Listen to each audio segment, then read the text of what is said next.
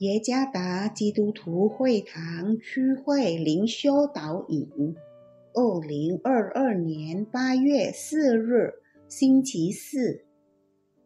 主内弟兄姐妹们平安。今天的灵修导引，我们要借着圣经《使徒行传》第七章五十五到六十节来思想今天的主题：在死亡面前的同在。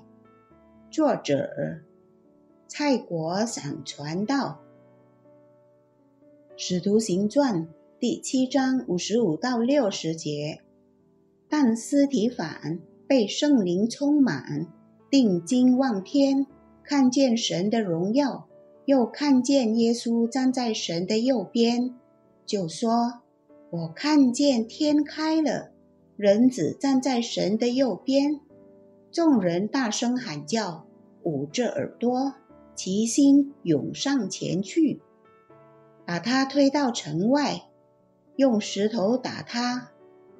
做见证的人把衣裳放在一个少年人名叫扫罗的脚前。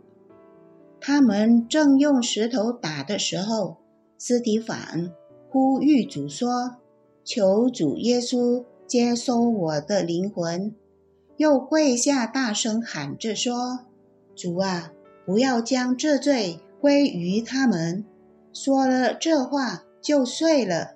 扫罗也喜悦他被害。使徒信经是历世历代的信经，这种信仰宣告是在三个条件下进行的。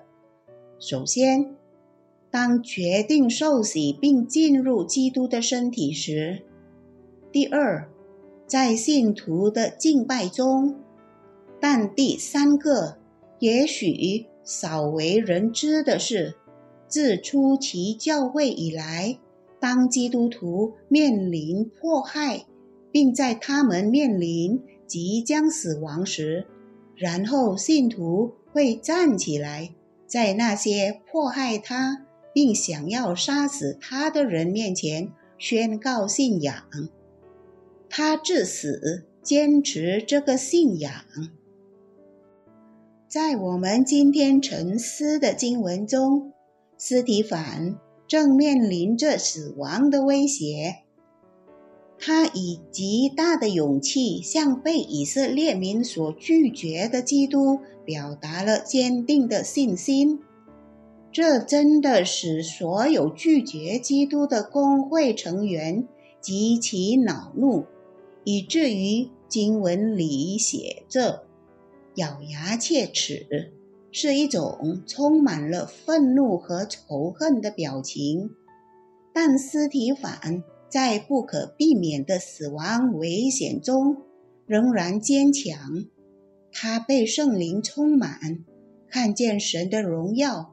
和站在神右边的耶稣，在威胁他的危险中保持坚定的信念，是他的自豪和荣誉。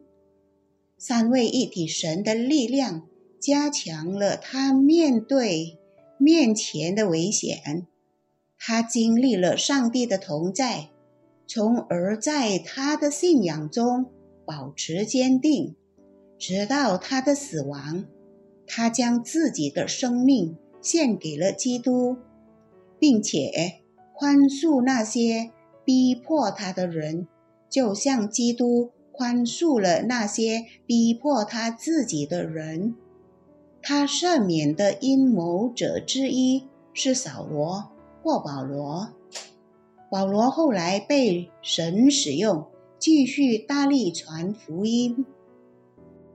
弟兄姐妹们。有许多信徒只在我们能摆脱困境或能面对生活问题的程度来理解神的同在。神的同在不止于此。上帝真正的同在是他兼顾我们处理所有情况，包括死亡的威胁。他兼顾了我们。使我们能够坚持信仰，直到我们生命旅程的结束。他的同在给我们带来欢乐，就算我们不得不面对拒绝和仇恨，甚至死亡亦然。这些艰难的境遇，其实让神的工作发展，并非同寻常的壮大起来。成为基督的门徒所付出的一切代价，都是值得的，也是无价的。因此，让我们继续以他同在的力量，坚持我们的信仰，直到我们生命的尽头，在死亡面前得坚定信念。这就是上帝同在的意义。主耶稣赐福。